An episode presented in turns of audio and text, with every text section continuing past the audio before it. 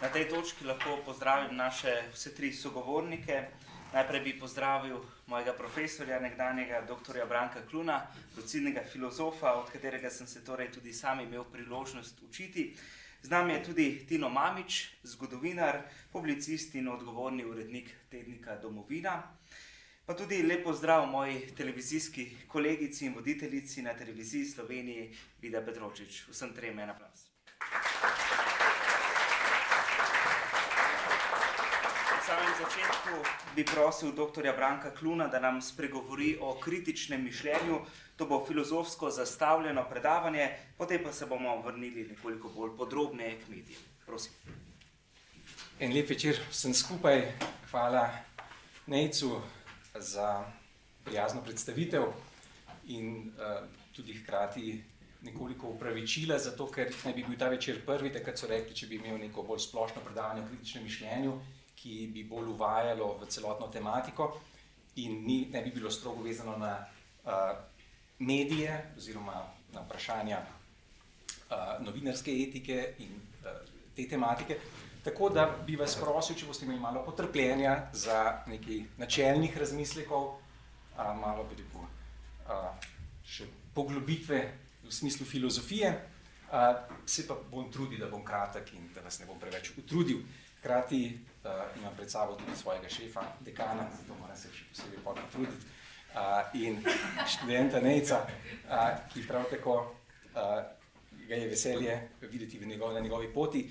Je pa res, da že zdaj naj rečem, da eh, v večeru, ki je posvečen kritičnemu razmišljanju in mediji, medijem, pravzaprav imamo opravka z dvema novinarskimi avtoritetama ne, in hkrati še eno, ki, ki postaja in se jaz tako čutim potem malo rekel, zgolj kot nek odjemalec medijev, ne pa kot nek poznavalec, tako da ne rečem že vnaprej, čeprav uh, so, so tako prijazni, da me bodo povabili in sprejeli potem tudi k svoji okrogli mizi. Dobro, torej, če dovolite, bi uh, najprej se ustavil pri običajnem razumevanju kritičnosti, ki je danes neka splošno vzeta vrednota, tako da imamo pozitivno vrednotenje kritičnosti v smislu sposobnosti, da nekdo razmišlja svojo glavo, da ne verjame in da slepo ne sprejema vsega, kar do njega prihaja po drugih, To hkrati vključuje nezaupljivost do tistega, kar morda zaradi splošne družbene sprejetosti velja za merodajno, kajti v ozadju je strah pred manipulacijo, nekdo želi obvladati moje mišljenje. Zato je kritično mišljenje sinonim za emancipacijo in opolnomočenost posameznika. V tem oziru je to največkrat tudi nek družbeni ideal kritičnega državljana. Nekdo naj bi bil torej kritičen državljan, tisti, ki ne bo podlegal manipulacijam, temveč ki bo samostojno razmišljal in razločeval ki bo torej avtonomen in s tem resnično svoboden. Tudi takšno razumevanje kritičnosti, ki v odnosu do drugih in s tem do celotne družbene sfere najprej vidi grožnjo in vzpostavljanje skupnih pogledov in vrednote vgleda v logiki moči, v tem primeru kritičnost spremeni v neko nezaupljivo držo, v sumničavost, ki iza vsakega mišljenja in vseh nazorov išče neke skrite mehanizme moči. Kar za nekatere velja kot resnica, kot njihovo mišljenje, se potem zdi, je njihova nasilna konstrukcija, ki služi njihovim interesom, uveljavljanju njihove moči. Zato je kritika potem poenote, uh, poenačena z dekonstrukcijo. Potrebno je dekonstruirati vse navidezne trdnosti, jih razgraditi, razgaliti kot konstrukcije, ki so rezultat želje pomoči. Zato je takšna sumničava kritika blizu teorijam zarote, in jo vodi temeljno nezaupanje do vsega, kar zahteva status resnice. Nažalost je to prevladujoča paradigma kritičnosti danes. Biti kritičen pomeni biti nezaupljiv do tega, kar pravi politika, kar pravijo mediji, kar pravi crkva, in nazadnje do tega, kar pravi znanost.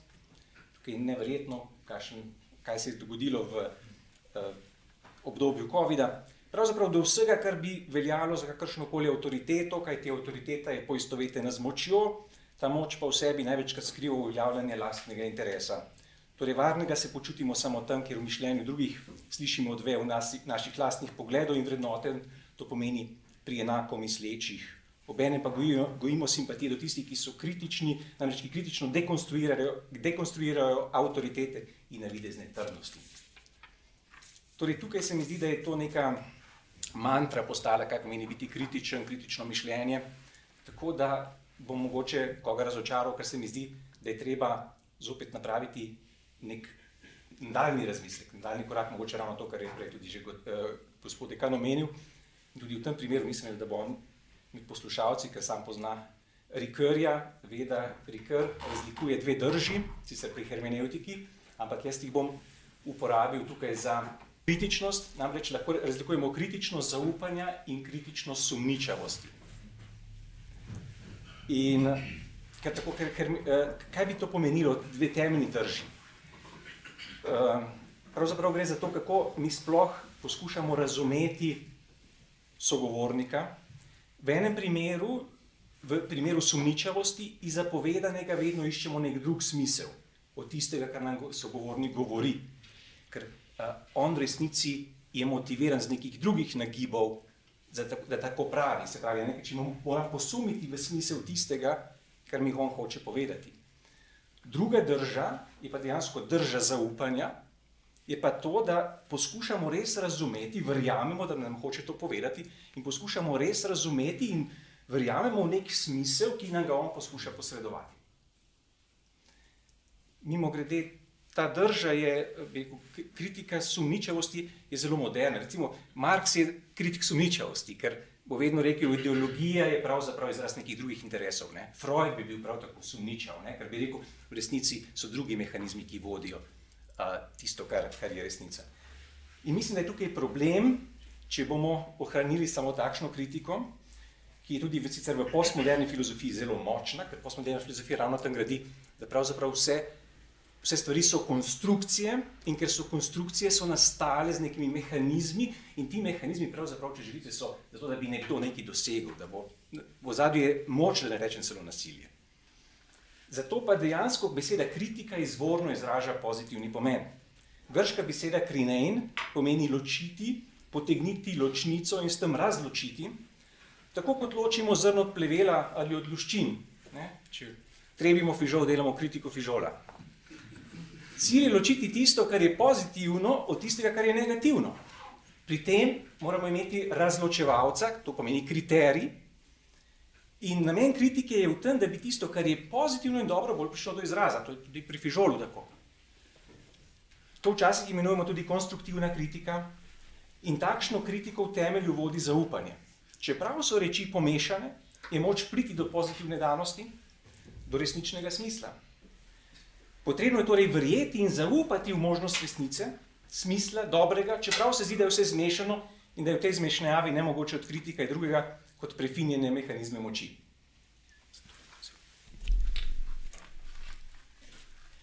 In prav to kritično zaupanje, ali pa kritično mišljenje zaupanja,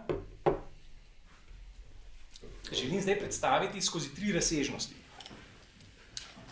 Pričemer je kritika prav ta sposobnost razločevanja, lahko bi rekli sposobnost razsodnosti prva razsežnost, poprosite, bo malo bolj filozofska beseda, nisem najšel boljše, bi lahko rekli ontološka razsežnost kritičnosti.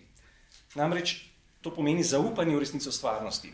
Ali v tem primeru bi bil kriterij resnica tega, kar je. Ontologija kot veda o biti, o stvarnosti, o realnosti, o tem, kar resnično je, zato tudi stvarnost imenujemo resničnost, pravzaprav to prav to pomeni. Ontološka razsežnost zahteva zaupanje v možnost poznanja stvarnosti, v možnost poznanja dejstev, obenem zahteva našo pripravljenost, da sprejmemo dejstva, da se podredimo temu, kar izkusimo in spoznamo kot dejstvo. Največjo nevarnost pri tej ontološki razsežnosti predstavlja virtualna razsežnost, ali pa pardon, virtualna resničnost, ki je danes vse prisotna.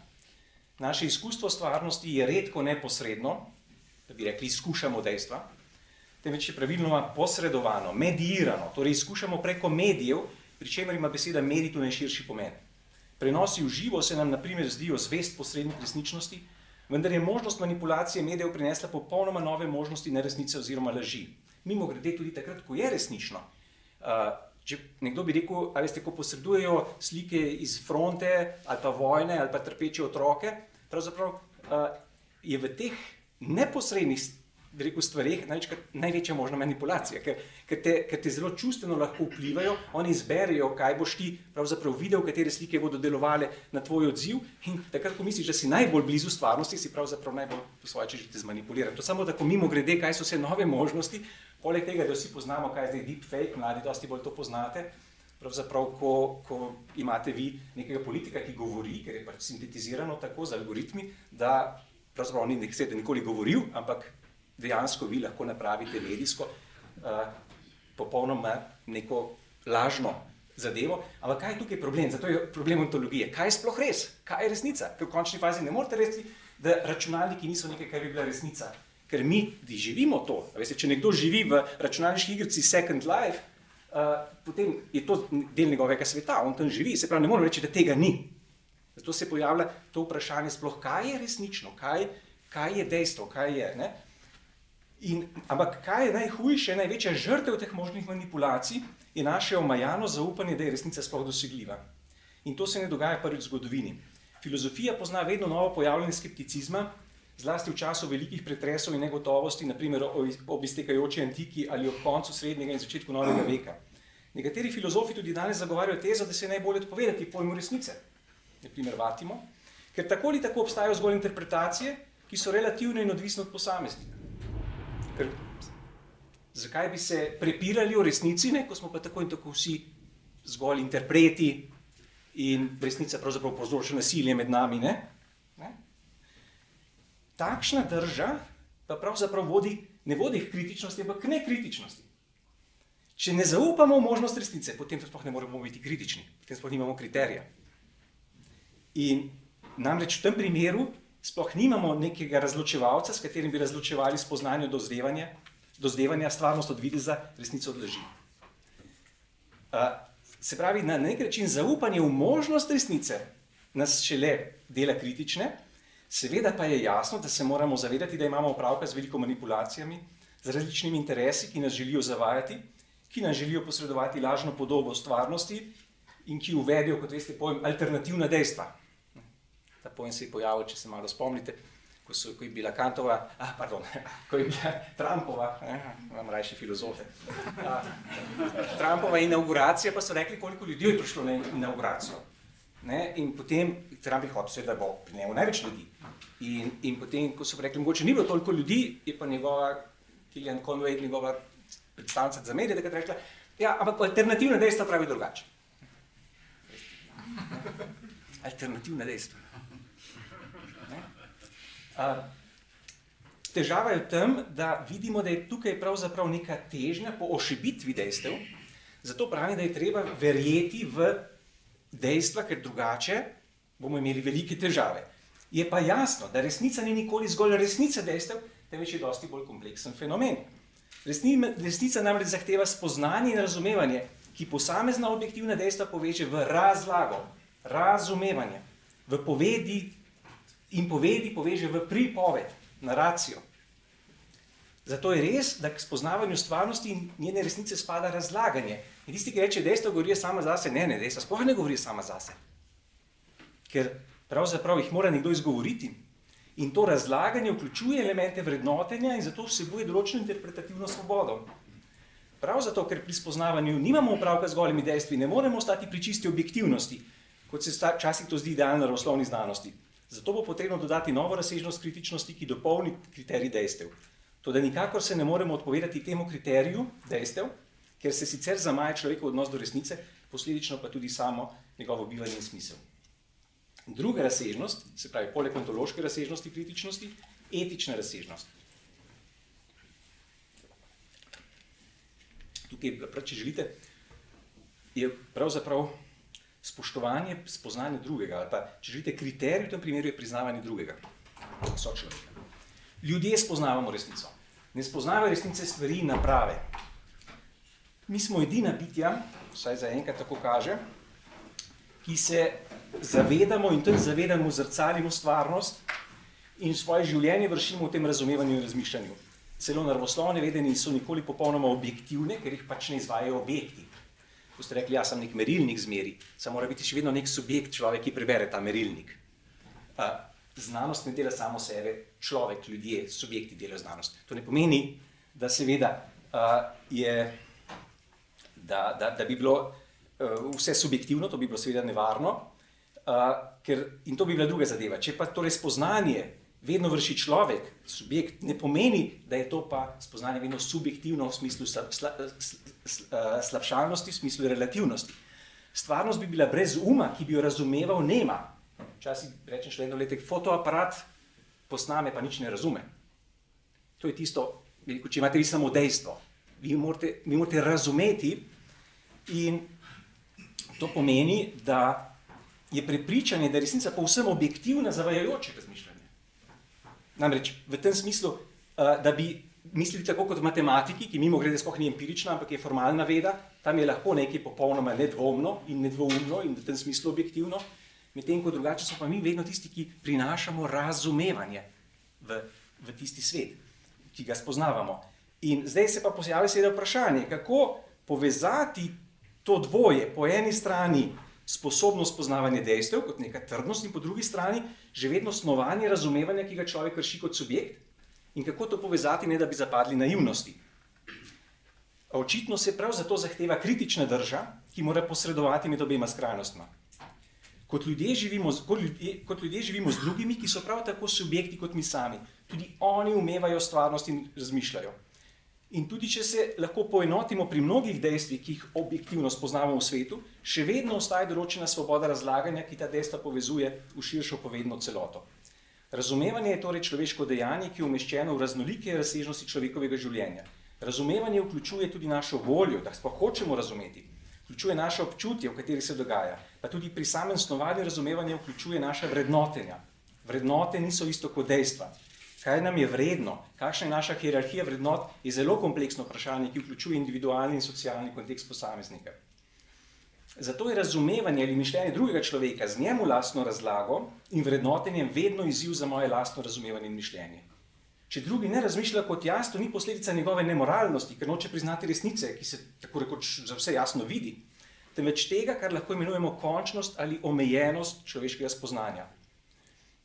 Zdaj, eni se tako ustrašijo, reče, če ste pa to pripeljali noter, potem pa to vodi v relativizem, a, to je pa pravzaprav, a, če smo pač omejeni, ne bomo prišli do absolutne resnice. Jaz mislim, da je nasprotje dosti hujše.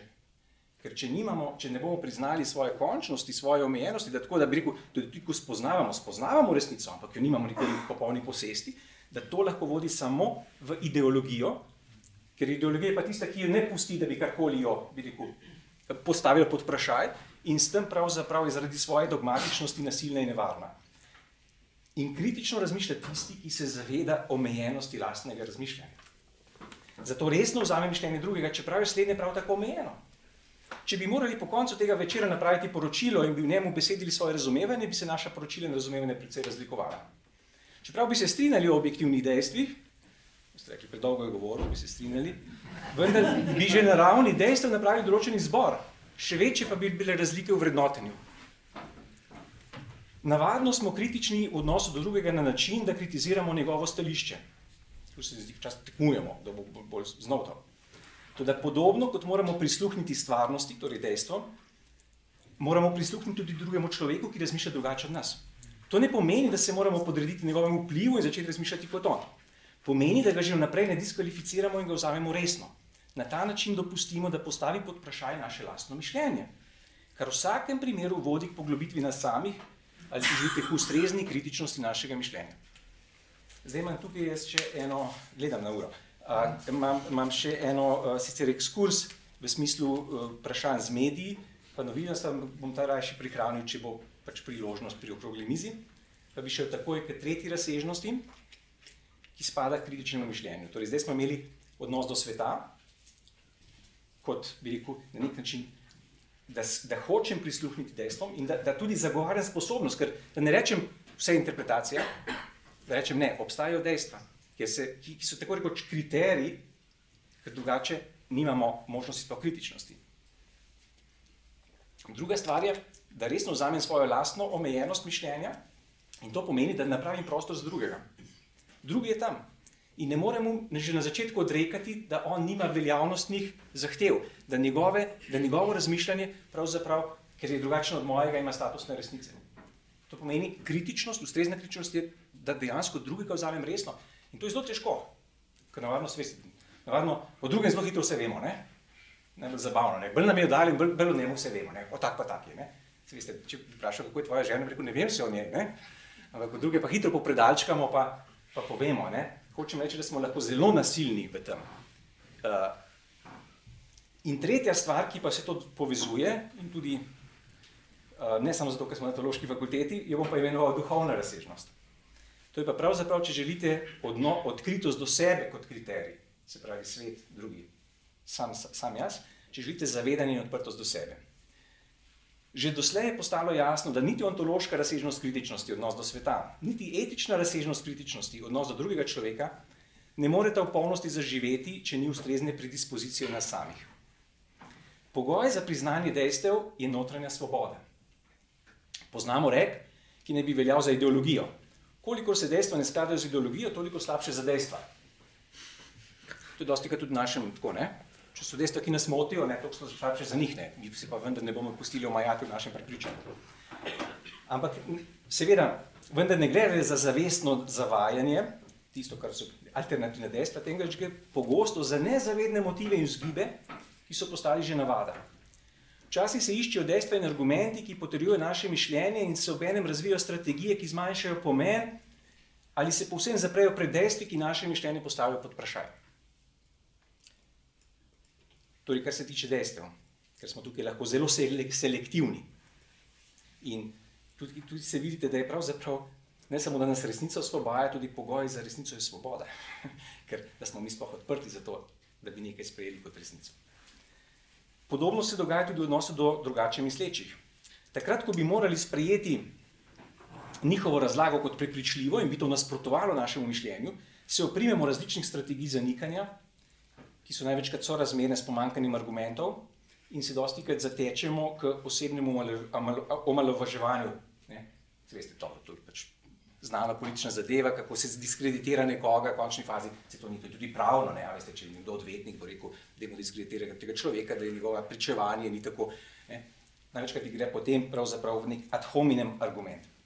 Čeprav se z človeške plati takšno nekritično ustrajanje pri svojem zdi razumljivo, dosti krat je tudi tako, moramo priznati, mi smo vedno v nekih razmerih odvisnosti. Dosti krat moraš zastopati neko mišljenje, ker si pač pri tem časopisu, ki ima tako redakcijsko usmeritev. Uh, tudi to moramo pač vzeti zelo resno, nek kontekst v končni fazi. Smo, ja, včasih gre pa tudi za vprašanje časti. Ne? Pa ne bo zdaj un bolj pameten od mene. Ne? In, in si ne bom dovolil, da bom pravzaprav ne, svoje mišljenje postavil pod vprašaj, ker čutimo to na nek način kot osebni spopad, kot svoj osebni poraz. Zato, zato je vse to povezano z neko duhovno razsežnostjo. In jaz mislim, da je včasih, meni včasih zelo mučno gledati, kako nekdo ne premore toliko svobode, da bi si dovolil dvom o lastnih stališčih. To se mi zdi zelo velika nesvoboda. Da, si, da, mir, da, da se bojiš, da mora biti tako. Ne? Tako kot je Gagarin prišel, ne, pa pa ga je patriarh poklical, a si videl Boga, ne? Pa je rekel, nisem. Uf, ne smeš meni povedati, ne? Pa Brežnjev ga je tudi poklical, ne? Rekel, si videl Boga, rekel sem. Ne smeš meni povedati, ne? Zmanjšanje, ker dosti krat želimo pravzaprav, um, uh, ne moremo se postaviti pod vprašanje, ne, ne moremo dovoliti. In čeprav, uh, torej, zato najgloblja razsežnost kritičnosti temelji v odnosu do sebe in pogojuje obe drugi razsežnosti. Samo kritičnost ni kritiziranje samega sebe v smislu patološkega odnosa, ko nismo sposobni sprejeti samega sebe, temveč je sposobnost razlikovanja, razločevanja notranjih motivov in vzgibov ter obenem prizadevanje za resnično odkritost do sebe. Kriterij takšne samokritičnosti je najprej hotenje, da prepoznamo in priznamo, kaj nas preveva in kaj nas res vodi. Ali gre najprej za veste, zato, da bomo ohranili službo, če tako rečem, ali gre pa tudi za Kitajce, ko rečemo egoistični interesi, želja pomoči, časti, spoštovanju, imetju, ali pa posredujem, posedujem toliko notranje svobode, da se teh zgibov zavem in se potem lahko odločam drugače. Samo kritično zahteva odkritost kot nenehno vajo, ki širi lastno notranjo svobodo. Seveda je soočenje s svojimi nagibi in vzgibi lahko težavno in bi v ničevi maniri lahko rekli, da vsak potrebuje nekaj laži o sebi, zato da lahko preživi. Ne? To je, to je znano, ne niče bi rekel. Resnica je tista stvar, ki jo mi, je tista laž, ki jo potrebujemo, da lahko preživimo, no? če se malo pošalim. Uh, ampak v vsakem primeru, jaz bi tako rekel, da je tudi v tem primeru uh, moč vere nekaj zelo velikega, ker pravzaprav na nek način se čutiš ovrednotenega ali pa vrednega, neodvisno od svojega. Rekel, Bog te ima za vrednega, neodvisno od, od, od tega, da sam sebe spoznavaš kot zelo problematičnega, uh, kljub svoji lastni notranji šibkosti. In to kritično držo imenujem duhovno v širšem smislu pojma. Ta duhovnost ni pridržana religioznosti, temveč je splošna razsežnost človeka. Dovolim si usporednico, malo sicer smešno, mogoče s telesom ali pa s telesnostjo. Če pravimo, vsakdo telo ga vsakdo ne neguje v smislu telovadbe, tudi to bi lahko počel, podobno bi lahko rekli za človeškega duha, ki ni nič drugega kot izvrševanje našega notranjega življenja in nas prav tako kliče k duhovadbi ali k duhovnim vajam. Duhovnost je seveda tudi osrednjega pomena pri religioznosti. In če vzamemo krščansko, recimo ignacijansko duhovnost, tukaj imamo patra. Uh, Marka, uh, ki je jezuit in ki pozna razločevanje duhov. To je tako krasna beseda, se mi zdi, bi lahko rekli kritika. Ne? Sicer ni lepo, da bi zdaj v gercijanskih duhovnih govorili o kritiki, ki bi malo bi preveč uh, profanizirali uh, tisto. Ampak pravzaprav je prav to, razločevanje svojih lastnih duhov, razločevanje, kaj me zares, kaj, zakaj jaz pravzaprav to mislim, kar mislim. Ali me motivirajo neki nagibi, to, to, je, to je tisto, kar če želite nekaj. Pristna duhovnost ni izpovedovanje resnic, kaj verjamemo nazorsko, ampak je pravzaprav globoko, globoka svoboda uvida v to, kar me najbolj notranje konstituira. Ki hkrati vsebuje zelo veliko zaupanje, prav to, da sem sprejet v temelju svojega bivanja, po drugi strani je pa pravzaprav to edina možnost, da bi lahko rekli, da pravzaprav pridem do neke prave, podnarekovaj, samokritičnosti. In če si pogledamo tudi ne nazadnje, gledajte, budistično duhovnost ali pa meditacije, ki so tam, zakaj so dosti krat tudi uh, na nek način, poleg tega, da imajo neke terapevtske učinke, ampak zato, ker zahtevajo, da se koncentriraš in da, da se osredotočaš, da si čuječen, če želite, glede svojih lastnih miselnih vzgibov. Kaj te pravzaprav navdaja, kaj te vodi kaj je, kaj je tisto, kar je, kar je v ozadju.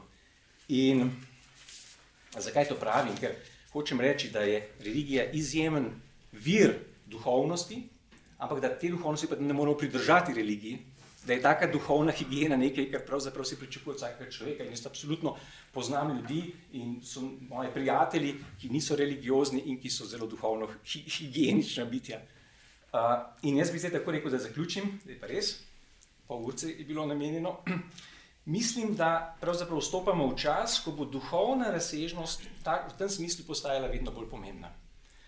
To seveda ne pomeni nujno povratka k religioznosti, čeprav pa tudi religioznost predstavlja pomemben izziv, oziroma da duhovnost za religioznost predstavlja pomemben izziv, da rečem, kar znamenje časov. Duhovna razsežnost prihaja po nekem času, vete, ko je bila v spredju etika. V preteklih desetletjih je bilo veliko govora o etičnih kodeksih na različnih področjih. Uh,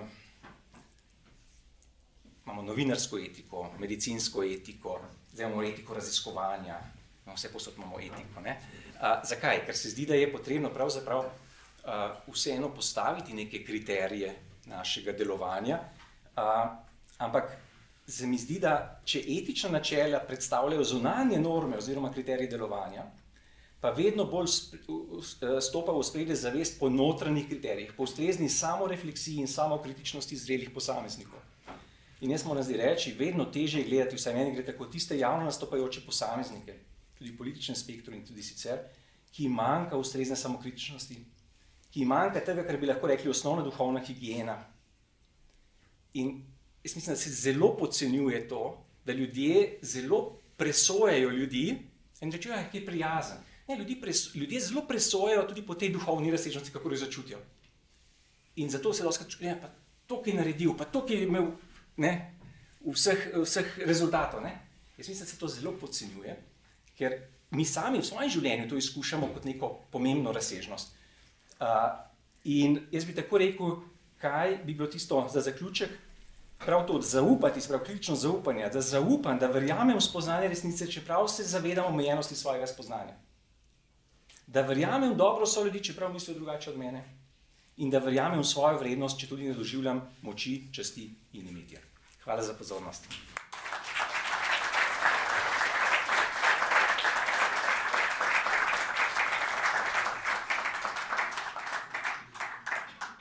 Hvala dr. Klunu. Zdaj vabim besedi Tina Mamiča, ki nam bo nekoliko seciral medijsko krajino v Sloveniji, se dotaknil pojmov cenzura, svobode govora in presoje zanesljivosti.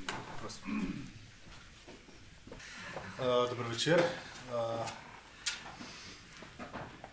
kritično mišljenje je izjemno zanimiva zadeva, posebej v novinarskem cehu, uh, saj novinari, s podarkom slovenski novinari, veljamo za verjetno najmanj samokritično, uh, najmanj, najmanj samokritični ceh v slovenski družbi, ali pa mogoče takoj za politiki, smo dejansko novinari tisti, ki smo najmanj samokritični.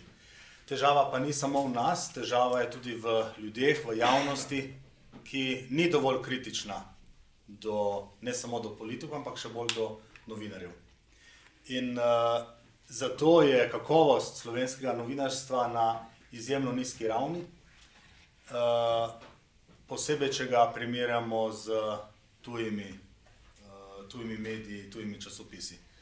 Uh, če boste samo, ni treba znati nobenega tujega jezika, ampak samo, ko greste nekam v tujino, kupite tri dnevnike in jih uh, razgrnete, pregledate, in potem kupite tri slovenske dnevnike, boste videli, že samo na pogled, boste videli, kako velika je ta razlika med uh, zahodnimi, demokratičnimi, razvitimi novinarskimi hišami. Uh, in dnevniki, in pa našimi. Uh, tudi pri televiziji boste videli ogromno razlik. Uh, tu ne gre toliko za tehniko in za razne prijeme, uh, ki jih uh, imajo televizijski novinarji, ampak bolj gre za vsebino. Ko pogledate, recimo, kako so uh, poročali o COVID-u, uh, recimo v Sloveniji, odkar imamo uh, novo vlado COVID-a, praktično ni več na televiziji, prej je bil pa tako, da je bilo prvih 10-15 minut samo o COVID-u. In če to primerjaš recimo z italijanskimi mediji, kjer je COVID veliko bolj nevaren, ker so COVID veliko resneje jemali in potem gledaš televizijska poročila, je bilo vedno tako, da je bilo o COVID-u tudi prva novica, ampak je bilo prve 2-3 minute, ni bilo 15 minut, da rečem, nabivanja uh, na to in je bilo tudi nekaj pozitivnega. Uh, zakaj, zakaj prihaja do tega? Uh, verjetno zato, ker mnogi novinari uh, leta 1990 niso naredili prehoda takega, kot uh, so ga naredili recimo politiki ali pa gospodarstveniki, in sicer prehoda iz uh, nekega poklica, ki je bil v komunizmu tak, in je potem v demokraciji postal malce drugačen. Ne, v komunizmu so bili novinari uh, propagandisti, so bili podaljšana roka edine dovoljene stranke komunistične in uh, so imeli svoje poslanstvo, kot da morajo uh, ljudi uh, osveščati in jih razsvetljevati in jim govoriti, kaj je dobro in kaj ni, ker oni so preveč neumni, da bi to razumeli in zato imajo oni to poslanstvo. Ne, ta mesijanski kompleks, ki je v vseh totalitarnih režimih, da ne bo pomote, uh, se je pri mnogih slovenskih novinarjih oh, ohranil še naprej.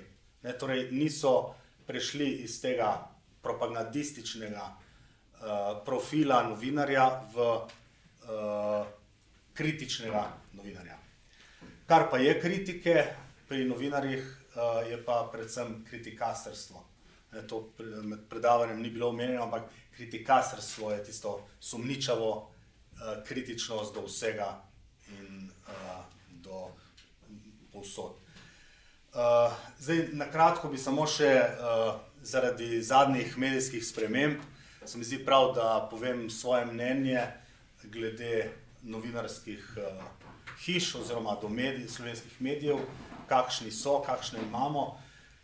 Uh, v Sloveniji praktično bomo težko našli, če sploh medij, za katerega lahko rečemo, da je objektiven in da skuša biti približno enako kritičen do vseh.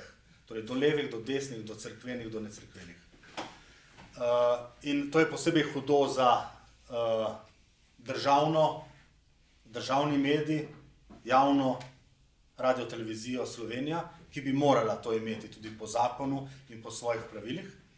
Uh, ampak žal je prav državna RTV postala v zadnjih letih zelo, zelo podobna drugim zasebnim medijem, ki imajo veliko več pravice, da si sami uh, določijo uredniško politiko.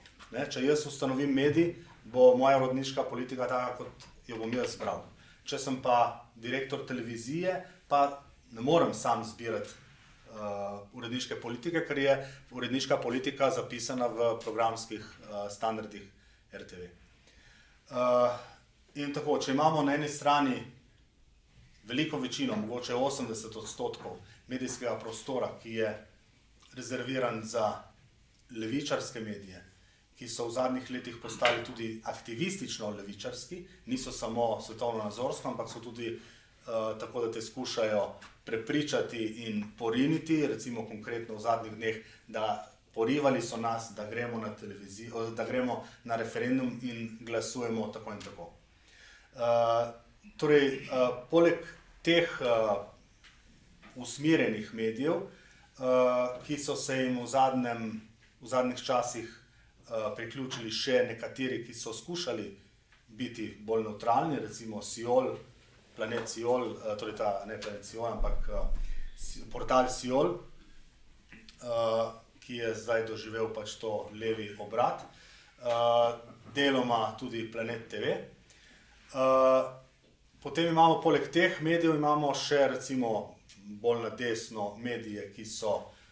Ki sodelujejo ali pa so povezani z največjo opozicijsko stranko SDS uh, eh, in so ji seveda naklonjeni.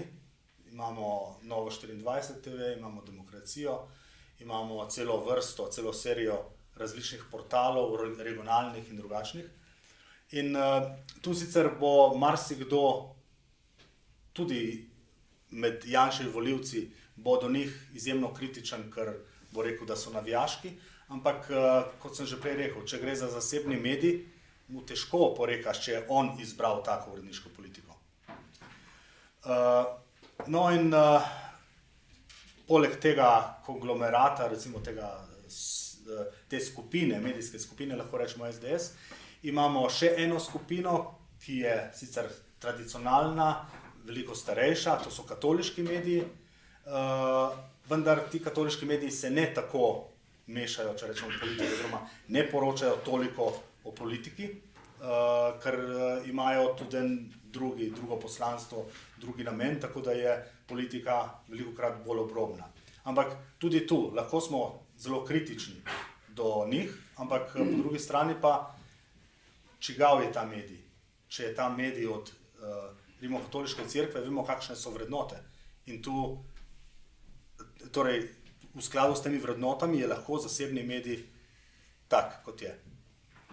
No, uh, tako da, ker imamo posod te uredniške politike precej določene, uh, je potem tudi jasno, da je kritika in kritičnost teh medijev zelo selektivna. Ne, logično, da crkveni mediji ne morejo biti tako kritični do crkve, Janševi mediji ne morejo biti kritični do Janše, ne, uh, levi mediji pa ne do levice. Uh, in uh, če zaključim uh, s primerom iz športa, uh, če imamo komentatorja nogometne tekme, ki komentira tekmo, recimo uh, včeraj so igrali Hrvaška in uh, Kanada. Uh, če bi tisti komentator navijal za Hrvaško, mu tega ne bi nihče zamiril. Če bi pa komentarji bili obarvani pro-hrvaško, bi mu pa to zamirili. Torej, ni problem, da ima novinar politično opredelitev, problem je, če to meša. In to, kar pri športu vsi razumemo, tega pri politiki ne razumemo. In zdaj sem verjetno že dolg, eh, če sam še na kratko. Eh, jaz prihajam iz tednika Domovina, eh, ki se je razvil iz portala. Najprej je bil portal Iskreni net, potem se je dodal portal domovina.je. V zadnjih mesecih smo kupili še portal časnik.si in pred letom in pol smo ustanovili tednik, politični tednik Domovina. Mi skušamo biti kljub našemu svetovnemu nazoru, ki je po eni strani zagovarja svobodno tržno gospodarstvo, torej liberalno gospodarstvo, ki ga danes v Sloveniji ni, uh, zagovarjamo pa tudi demokracijo in demokratične vrednote uh, v sklopu naše države, naše nacije in našega naroda. Tega ne poudarjamo, ker tega ni treba poudarjati. Ni treba poudarjati, da živimo v Sloveniji, da je slovenščina tista, ki nas pogojuje ne, in da je krščanstvo povezano s slovenstvom. Ampak na, to so pač naše vrednote, na katerih gradimo. Uh, skušamo pa biti kritični tudi do crkve, tudi do politike, ne samo leve, ampak tudi desne in desno-sredinske, in zato jih dobivamo veliko poglavje, oziroma nas uh, zelo radi kritizirajo tako škofje, kot politiki, torej tako Janša kot Tonin, uh, in to nam je seveda v čast. Hvala.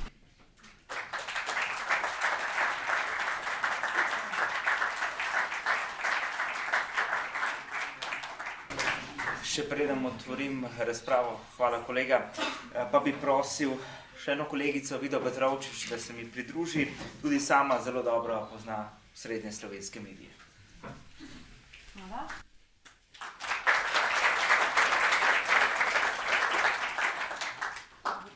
Tudi meni je včasih, da sem tukaj. Naj povem, da sem študirala filozofijo, uh, diplomirala pred, pred stotimi leti.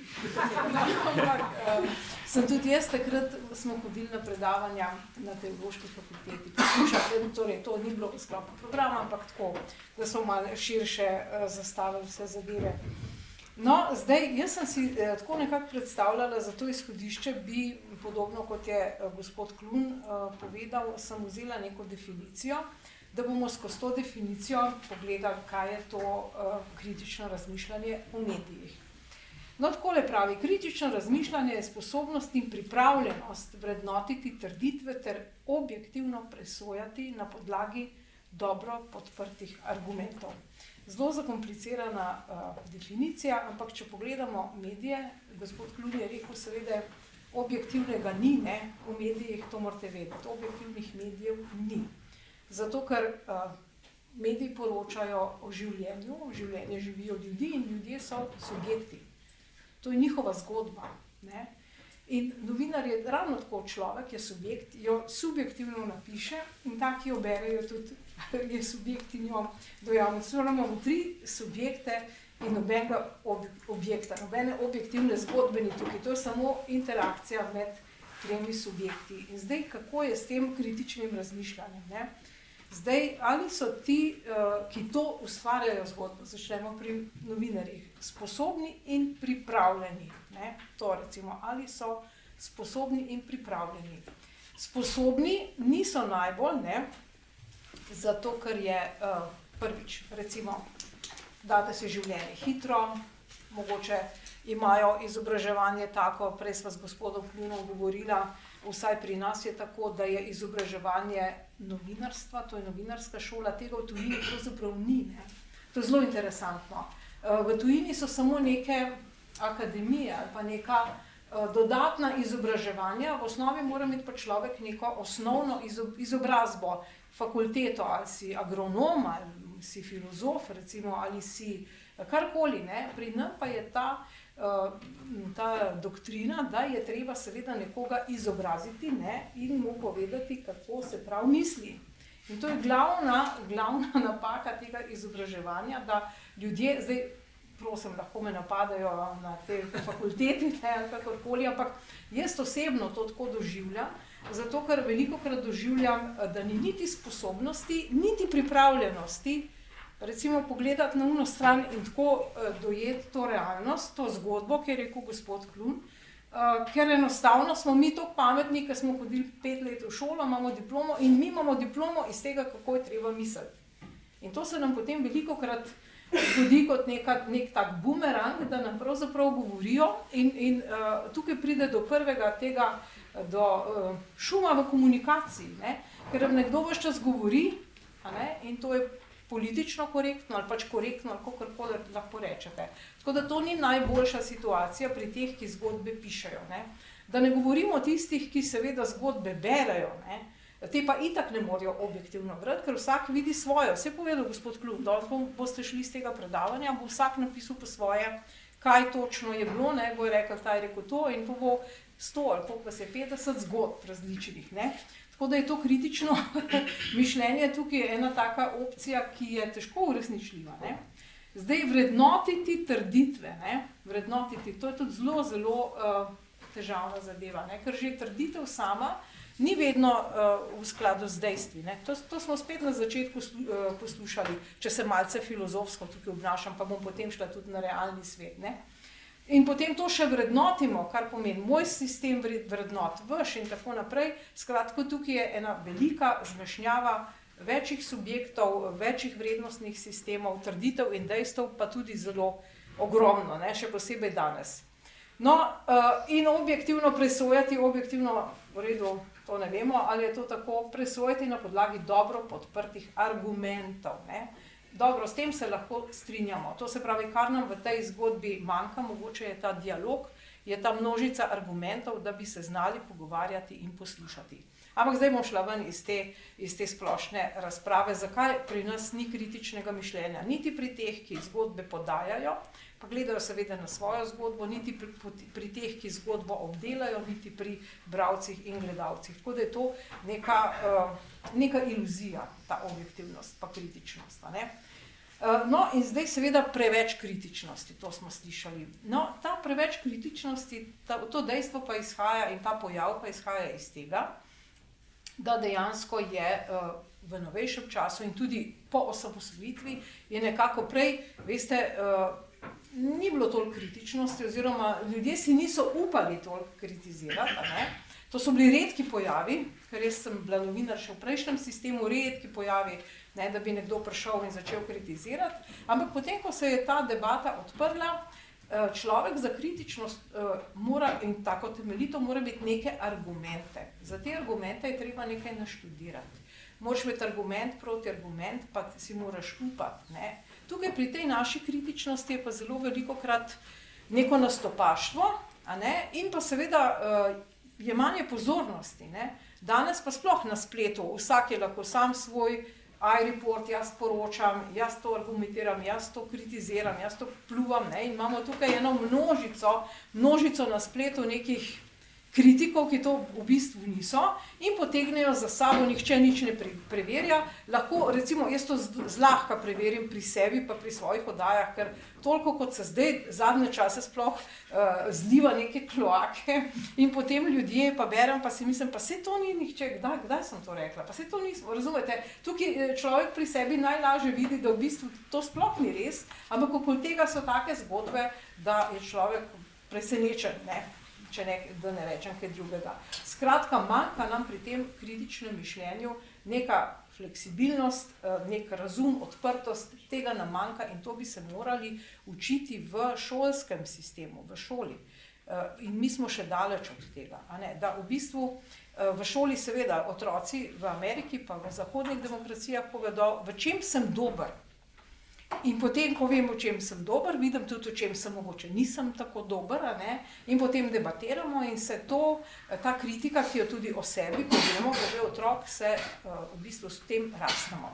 Torej, na tej ravni smo mi še precej v, v plejstoceno, kako če ukrepimo, še imamo te, imamo te ljudi okrog. Ne?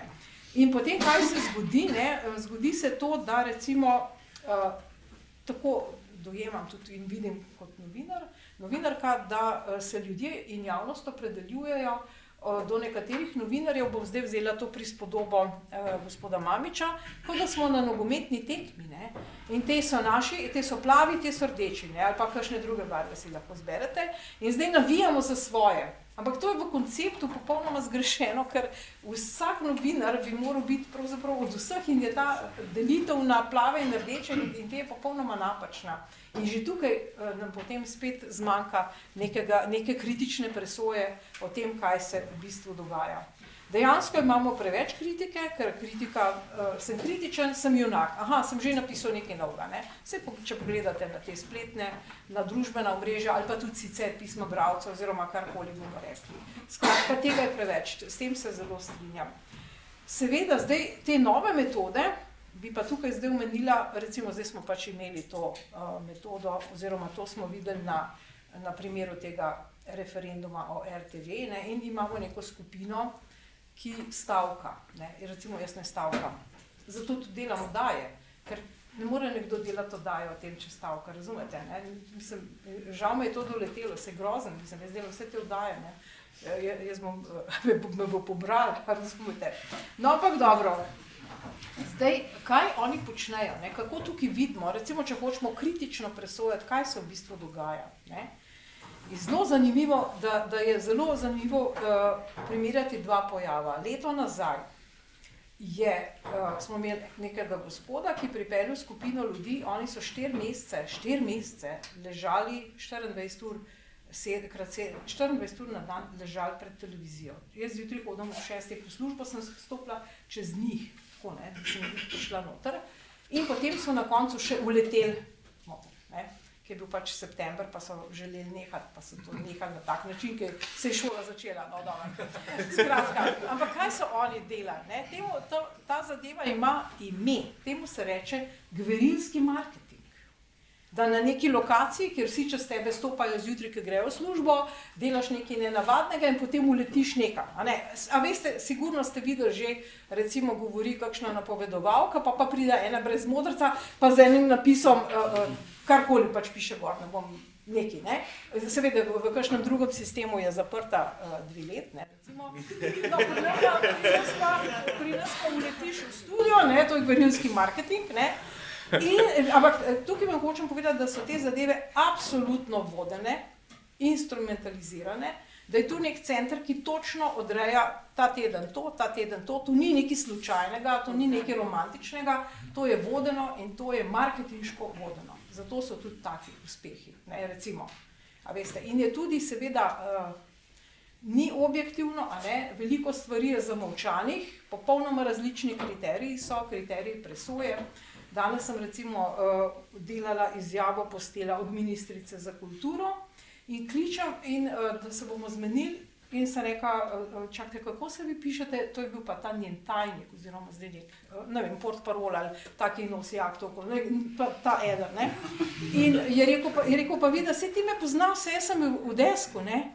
Pa ste, on je iz našega desk, to je prvo nadstropje, je tam, kjer delamo novice, je šel zdaj direktno k ministrici. Ampak zdaj, jaz sem rekel, se je res, takoj sem ga zgubljala, sem rekel, pa to je on? In pogledajte, smo mi kaj izvedeli, o teh ljudeh, ki so šli zdaj direktno iz ene medijske hiše za te portparole ali pa te, ki nosijo aktov, pa odpira vrata avta in tako. Mislim, k tej stranki, ki je na oblasti, nič, nič, mi o tem ne vemo nič, vemo pa, da je pa bila neka Ksenija Korena, kaj prvič sem videla, da je pa ona prej nekoč bila nekje. Razumete, kakšno, kakšna merila so to, kakšna dvojna merila in to je tisto, kar je res moteče. Videla sem, lepo ja. se reče, ne? tiskovni predstavnik, to je ta izraz. Ja, no, ampak tiskovni je, predstavnik. Ne, ampak on je več kot to. A več, a, ja, ja, vrata od avta. Pa ne vzamem nazaj. Tiskovni so drugi, ne? A, okay. Skratka. Uh, Višji rang. Ja, v, v Sloveniji imamo zelo veliko teh dvojnih eh, meril, ki so zelo moteča. Če želi nekdo, a ne, preveriti dejstva, ne, in zdaj seveda tako bom rekla, jaz, ki sem pač študirala filozofijo, so nas učili ta dejstva. Ne. Moram res povedati, jaz nimam nič proti tem šolam, ampak ta politična šola, ki je bila, ne, smo imeli tudi en, tri predmete tam, ne, izpite. In tam je bilo to tako enostavno. To je bila knjiga in v tej knjigi si ti prebral uvod. In za izpit si ta uvod povedal, ne? pri nam pa ne. Mislim, mi smo imeli grščino, razumete? To je bilo že ta tip študija, čeprav v drugem sistemu, je bil popolnoma drugačen. In sem uh, zelo vesela, da, da vedno grem k virom, preberem, kaj točno piše. Prej gospod rekel, da sem bila finančna novinarka. Ja, ne, ker pa ste, jaz sem vedno in še vedno. Ne, recimo časopiski, edini, ki mu zaupam, edini, je uradni list. Uradni list. Mislim, uh, vse ostalo je brez veze. Ampak moraš vzeti uradni list, bereš ne, in pa rečeš, čakaj, kaj. Razumete, tudi te novele, ne, ta novela, ta oskrba. A to je, ne vem, a ima tri člene, no? Mislim, ta datum se spremeni, ta, ta, kaj je za to? Razumete, to niso sploh neki, in že ti moš vedno pogledati zakon in reči, aha, beremo, beremo to, a prav razumemo, skratka, to je treba delati v novinarstvu in tega je sicer premalo. Tako da to bi vam res, tudi kot ljudje, ne, če ugotovite, da uh, morate, recimo vi odprete več medijev in vsi pišejo isto, ne, In vi niste, a veste, mediji, ne, to je tako kot hrana. Zdaj vam lahko servirajo, vam vsak dan nam servirajo hrano. Ne? In zdaj, če gledamo slovenske medije, to sceno, čisto si nam dajo isto za jesti. No? Mislim, to je neverjetno, pa ne moramo več tega prebavljati. No, jaz to ne morem več jesti, meni, meni to slabo mi je, ko to odprem. A vi tudi, celo, celo naslovi so isti. No? In, ni čudno, da je taka nizka gledanost. Pa pa se potem čudijo. To pa zato, ker nimajo kritično razmišljanje, sposobnost in pripravljenost vrednotiti. Mislim, nimajo niti pripravljenosti, tudi novinari, ki to delajo, da bi rekli, a res. Ne? Potem pa dobro, ok. Uh, eh, lahko da se nekdo spravi, pa da je to ambiciozen, kot recimo naš Nec, Krius, ne pa naredi intervju z izraelskim ambasadorjem, ne? in potem ga ne objavimo. Zakaj pa ne? Ja, a smo morate misliti, ker ni bil zraven tudi palestinski. Ja, mislim, jaz sem bila toliko šokirana, jaz nisem mogla verjeti. Je pa dobro, boš pa jutri palestinskega, razumete? Ampak to je ta šola, ta diplomiran, ne diplomiran v ne tega. Ja, če ni, bo pa jutra, ne, ampak to je ti strah, potem je to ta strah, strah, kaj bodo rekli, ne, kaj bo rekli moji kolegi, kaj bo rekel dekan pa profesor. Briga me, moji profesori so že vsi mrtvi.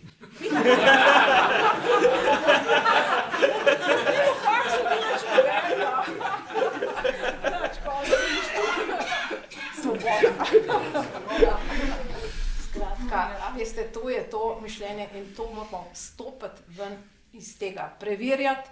In če vi uh, vidite medije, ki vam čisto vsi dajo isto jed, še isti naslov je, recimo, ne, zaprite in uh, poiščite kakšne druge medije, mogoče kakšne portale, kakšne, uh, a ne, vse je veliko takih portalov, kjer lahko poslušate kakšne pogovore. Hvala Bogu, da je zelo veliko zdaj tega, je pa v osnovi vsega tega preveč. Ne. Problem je v tem, da mi imamo preveč te hrane in potem ne znamo izbirati in potegne nas tisto, kar je bolj zanimivo, pa kmetija, pa uh, vse drugo, samo ne to, kar, kar je treba za neko kritično mišljenje, da razbiramo, ne, da odberemo zrno od plev in tako kot je rekel Dekar, da imamo uh, klara in distinkta percepcija, to se pravi jasno, in razločno zaznavo, da vemo, kaj točno. To je pa res najbolj važno v življenju, da vedno presodimo, kje smo realno, kaj to zdaj pomeni. Ne glede na to, potem, kaj drugi rečejo, ko mi to naprej uh, rečemo, ah, zdaj pa vemo, ti si tale, kakšno pismo jaz dobivam, meni gro, grozno, ampak dobro, v teh letih sem razvila iz vojne zvest, imam tak teflonski ščit, žgem in se žge in Nič ne morem, ampak to samo jaz vidim, drugi pa streljajo. Dobro, to je zdaj mogoče istočnica za debato.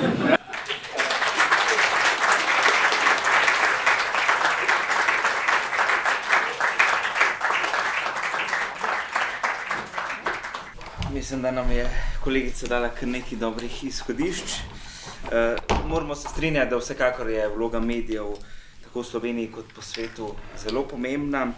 Zdaj, eno težko vprašanje, mogoče za vse tri sogovornike, kako v resnici v tem dobi lažnih informacij, pa manipulacij, kolega Klun je omenil, deepfakov in tako naprej, izluščiti verodostojno informacijo in obenem kritično razumeti njen pomen. Pa morda, gospod, jaz tam prednost medijskim strokovnjakom. Ja, po eni strani je težko, ne? Po drugi strani pa eh, dan danes zelo lahko, zato ker je dejansko na internetu toliko tolk stvari in toliko virov tudi, uh, da se doskrat se splača iti uh, poslušati en intervju recimo z nekom, rajš kot recimo da poslušaš neko poročilo ali pa novico o tem, ne? da greš prav v kviru. In zato se mi zdi, da se da ogromno stvari uh, najdete.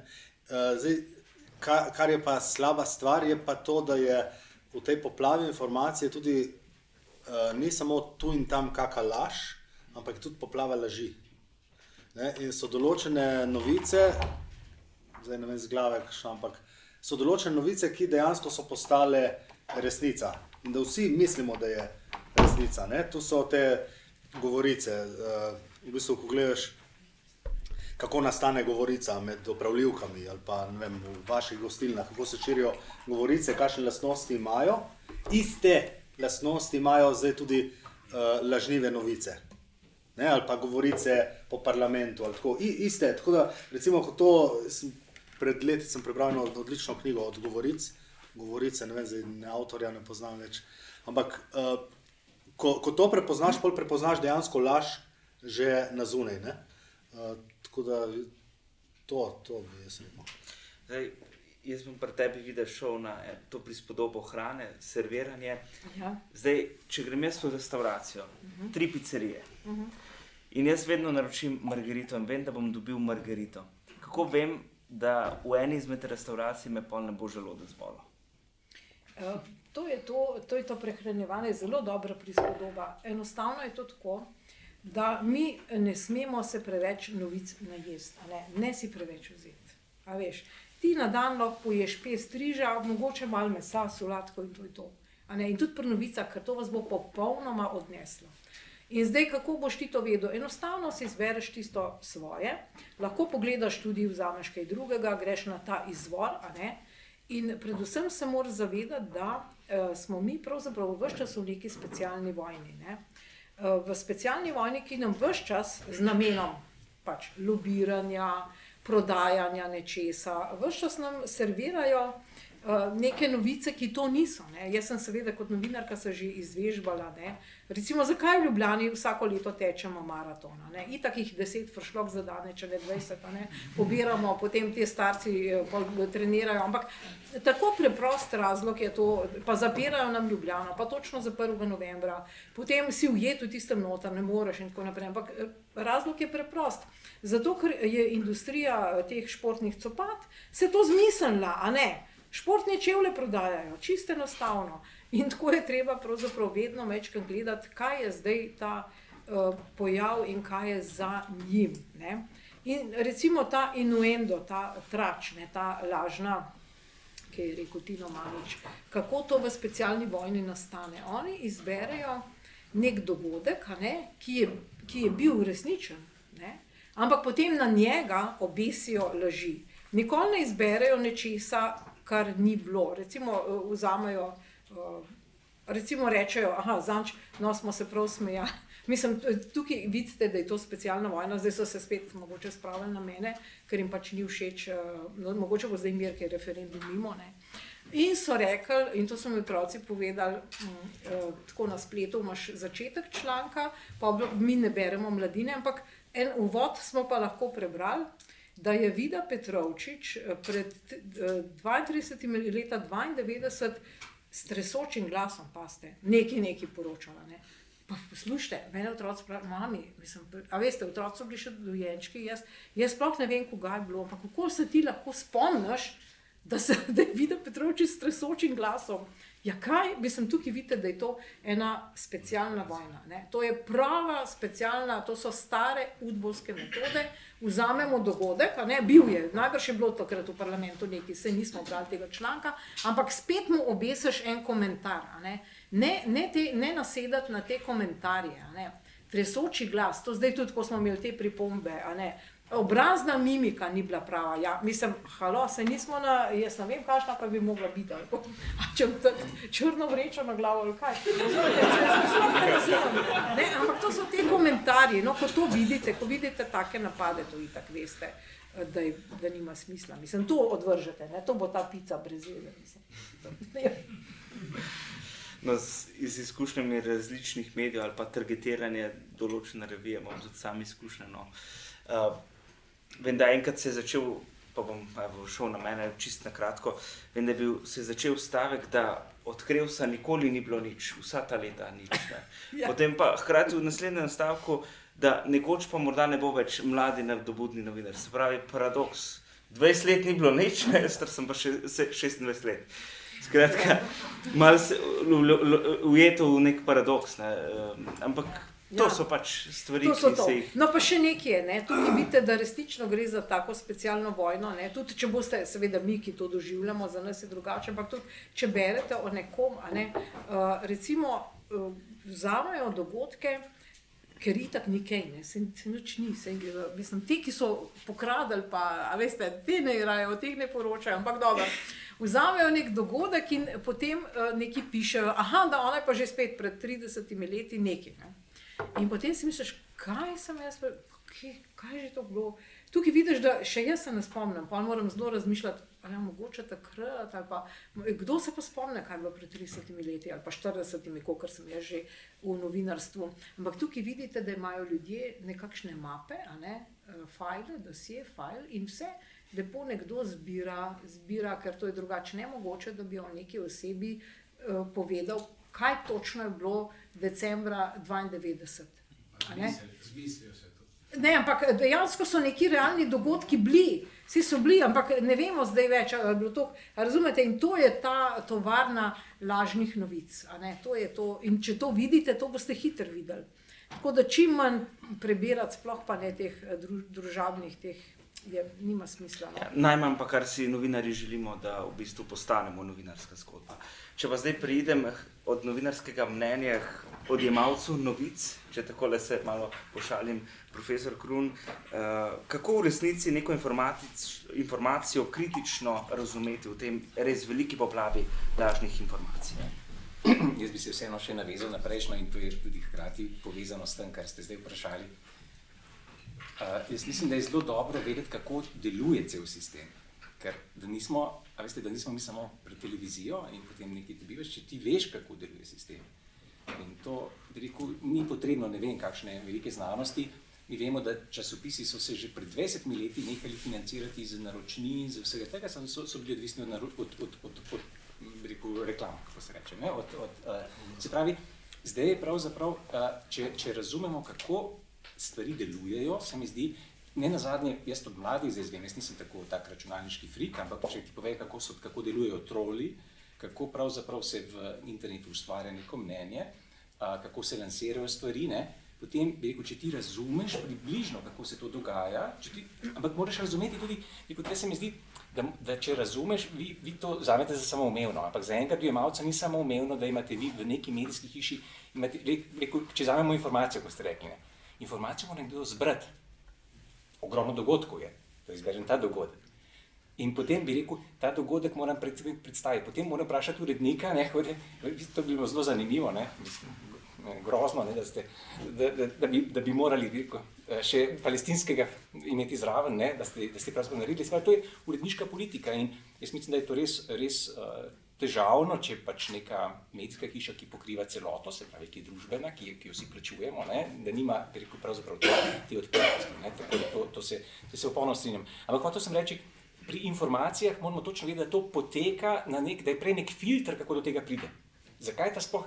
Če želite, kdo ima interes? Ena zadnja, kdo je bil moj vir informacije? Vi dosti krat veste, da brez virov vi nimate informacij. In tukaj pa moram reči, da je zaradi te hitrosti, uh, kako hitro je treba lansirati, dosti krat ni časa, da preverjaš vire. Da preverjaš. Veste, ena temeljnih zadev je bilo vedno, recimo tudi za novinarje, ne da bi se hotel podučevati, nikakor ne, ampak je bila pravzaprav prav to poslušati še drugo stran. Ne? Tako rečejo, dosti krat so rekli, da, so, da sta dve, dve pravni načeli tudi novinarstvu. Da je audiator et altera pars, tudi druge, drugo stran poslušaj, pa nemo, nemo judex in sua causa. Noben ne more biti sodnik v tistem, kar se njega zadeva. Eh, tako da hočem povedati, da pravzaprav imamo cel kup mehanizmov in je dobro to vedeti, kako to poteka. Se mi zdi, ker s tem lažje potem rečeš, ok, želijo to lansirati, ampak se bom distanciral do tega. Ne vem, jaz moram tudi reči, da uh, če pogledate, ker včasih pa mi potrebujemo novice. To, kar se dogaja v Ukrajini, to potrebuješ. Ne? Jaz, ne vem, jaz sem, sem gledal dva dni pred napadom Putinov govor, jaz sem rekel sinu, sem rekel, le, to, kar se zdaj dogaja, svet ne bo več tako, kot je bil. To so, to so usodne zadeve. In potem, kar se je zgodilo, in mi potrebujemo zdaj neko, nek, se pravi, v tem smislu, si, nisi samo odjemal, zato rečeš, mogoče bom prebral, mogoče ne bom. Ne? In tle, jaz moram reči, tle se strinjam, ne bi kar tako počel, jaz sem skoraj mislim, devet let sem živel v tujini in, in, in tudi zdaj pač konzumiram predvsej tuje medije. Ne morem reči, da je, da je pri nas vse narobe, ampak da če pa nimaš, bi rekel, boljšega upogleda, še pa dobrih analiz, to skrat pri nas ni možno. Vete, mi v Sloveniji imamo majhno kritično maso, mi imamo pravzaprav Eh, nimamo toliko veliko možnosti, kot imajo drugije, za, za ne vem, nemški prostor, francoski prostor, angliški prostor, za kvaliteto obdelave informacij. No. Tako da, da ne bom predolg. Eh, mislim, da je zelo pomembno, da razumemo mehanizem v tem, kako sploh neka informacija pride in kako se tvori neka naracija ali zgodba, ki se, pač, ki se naredi, se veste, potem gre. Seveda, in tukaj je jasno, da če ti veš, da so, me, da so, da so vedno mehanizmi moči. In to, kar vi pravite, jaz sicer sem vedno malo nezaupljiv, nisem tako sumničav, ne? ampak gotovo, da imate vi pač ljudi, ki so plačani, ki so na plačilni listi nekoga, da bo zastopal te interese. Končni fazi imate eh, lahko kapitalske lobije in seveda imate tudi politične lobije in to je svet, v katerem živimo. Zato, zato se mi zdi, da je zelo pomembno, da pravzaprav poskušamo na tak širok način razmišljati in potem, tako kot morate vi ohranjati neko integriteto, ki je zelo težko, po mojem, ravno tem, tem kratkem času, ko moramo sproducirati neko zadevo, kako naj, jaz eh, lahko cel novinarski kodeks poznam, ampak takrat si ne morem pomagati, ker, drugače ne bom nič proizvedel, isto jaz kot odjemalec. Tako da jaz bi, jaz bi vseeno bi, bi, bi rekel, ne, po eni strani popolnoma razumem, da je nekdo lahko v našem medijskem prostoru zelo frustriran. Jaz sem tudi, sem tudi sam v končni fazi, čeprav, veste, kaj sem prebral, ne, pričujem, da se zdaj res prečasa, ampak da pravzaprav tudi v nemškem prostoru, ko so delali analize, je 70% novinarjev, tudi v javnih medijih, če znamete CDF, ARD, se jih je deklariralo kot levo usmerjenih. Se pravi, da to ni samo pri nas, da, je, da, da imamo občutek, da, da, je, da, je, rekel, uh, da, je, da je več levo usmerjenih novinarjev, ne? ampak kljub vsemu volitve je bila vseeno Merklova, pa kol so bili zelo dolgo na oblasti. Uh, zato rekel, ni, ni tako preprostih uh, rekel, izračunov, ni tako, tudi jaz ne, ne verjamem, da je vse podvrženo, da, da imajo vse mediji pod kontrolo. Tukaj moramo paziti, kot rečeno, da ne, da ne, ne zaidemo spet neko nekritično neko razumevanje in posploševanje. posploševanje mehanizmov in tako naprej. Ampak je pa druga stvar, kot je to na nek način osebni način profne, ne, pa razumem, da postaneš dosti bolj občutljiv, ker, ker so dejansko, takrat, ko po mojem štrliš ven, imaš dovolj ljudi, ki želijo te onemogočiti. Morda naj bo to istočnica mnogokrat so mediji pravzaprav nekakšni talci različnih interesov, kapitalskih, torej političnih, aktivističnih in tako naprej. Zdaj, veliko je govora o tem pojmu neodvisnosti. Kako ga razumete? Yes. Ja, uh, kot sem že prej rekel, uh, s tem uh, kot v športu. Ne? Uh, v Nemčiji je lahko 70 odstotkov novinarjev levičarjev, ampak Uh, to, ne, to, to ne pomeni, da oni se ne trudijo poročati objektivno. To je zelo pomembno, ker če, ti, če imaš neko prepričanje, si ti lahko še zmeraj neka integralna osebnost, ki, ki skrbi za to. Sam to bi hotel reči, da ne bi prej sem premalo. Uh, to je to, če, ti, če si ti športni novinar in da navijaš za en klub, očitno si naredil napako in pri nas je v politiki tega ogromno. Uh, tako da neodvisen. Uh, To je pri nas tako zlorabljena beseda, da jo dejansko zdaj težko uporabljamo. Eh, spomnite se zdaj teh lokalnih volitev in eh, teh eh, raznih neodvisnežev. Ne? Imamo uh, največja stranka, torej stranka, ki je dobila največ uh, občinskih svetnikov v državi, mislim, da ne vem, 700 ali vem koliko, druga je SDS, je dobila 500, uh, so neke neodvisne liste. Ne? Ampak neodvisne od česa, vse v lokalni politiki je lahko, ampak to, uh, če se ti z njimi pogovarjaš, se oni sami ne vejo, zakaj so neodvisni, od česa so neodvisni. In to so v bistvu neodvisni že, ne? to je v bistvu malo uh, tako slabšalno, ampak. Uh, ja, uh, tako da ta, uh, ti neodvisneži uh, nas dejansko uh, uh, porivajo v neko slabšo demokracijo. Ne? Jaz vidim v teh neodvisnežih veliko grožnjo demokraciji. Zato, ker uh, lahko kritiziramo demokracijo, ampak boljšega sistema kot, kot demokracija ga ni. Uh, in je uh, demokracija daleč najboljša. Ne? Alternative so kaj? Ne? Režimi, diktature, ne? policijske države in tako naprej. Torej je demokracija in demokracija ima politične stranke. Ne, demokracija brez političnih strank ne obstaja. Ne, jaz se ne poznam. Ne, uh, demokracija, ker bi bile neodvisne, že tega ni. Ne, in, uh, in zato se jaz bojim. Ne, tudi recimo, recimo Levica se je sama uh, v Sloveniji, se Levica se je sama sebe uničila, ravno s temi neodvisneži, kar je v bistvu že praktično od tega, ko je LD začel propadati so začeli uh, z novimi imeni, novi obrazi, nove liste, nove zveze, nove neodvisneži. In uh, danes v bistvu na levici nimamo nobene več. Imamo zdaj zelo močno svobodo, ampak je, ima točno določen uh, rok trajanja. Uh, štiri leta, lahko se pa pohvali še manj, še prej. Uh, tako da z tega stališča me to uh, precej skrbi. In zelo podobno je pri, uh, pri medijih. Ne? Uh, mi, mi smo neodvisen medij, ne? ampak smo še zmeraj smo pa odvisni od sebe, od vem, svojih vrednot, od uh, svojega denarja. Uh, tako da tukaj prav, to, prav taka neodvisnost, kot taka je tako binarni pojem. Ne, ki... Kolegica Petrovčič, če se ne motim, je bil celo vladni slogan za neodvisno RTV.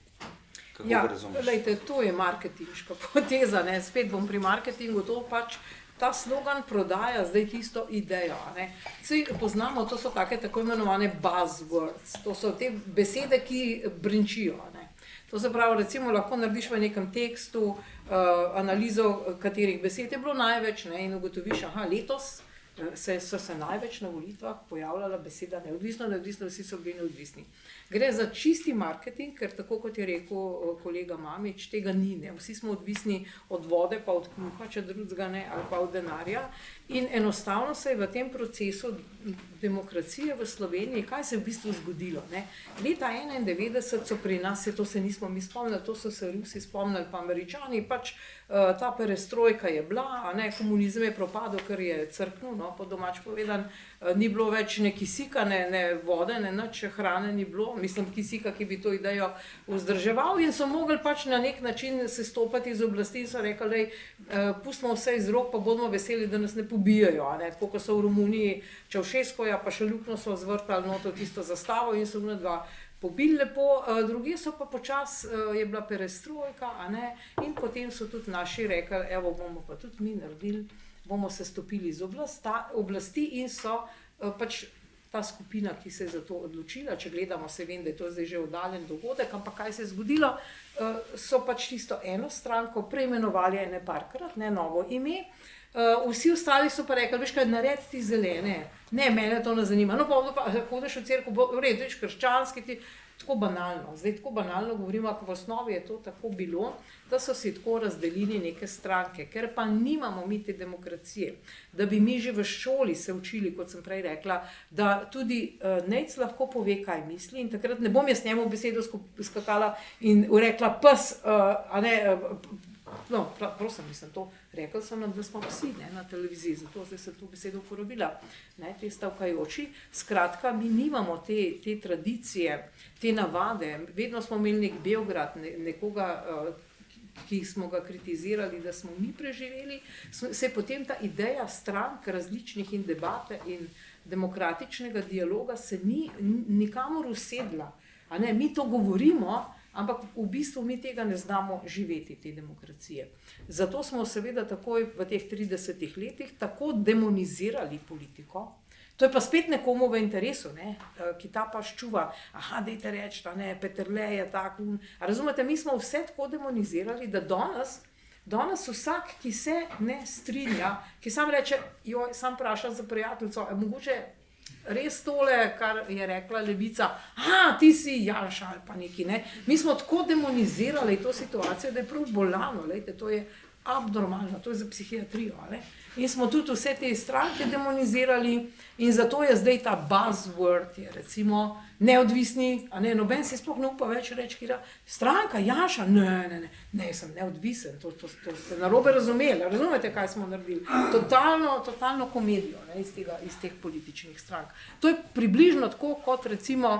Uh, Če spremljamo, jaz sem tole spremljala.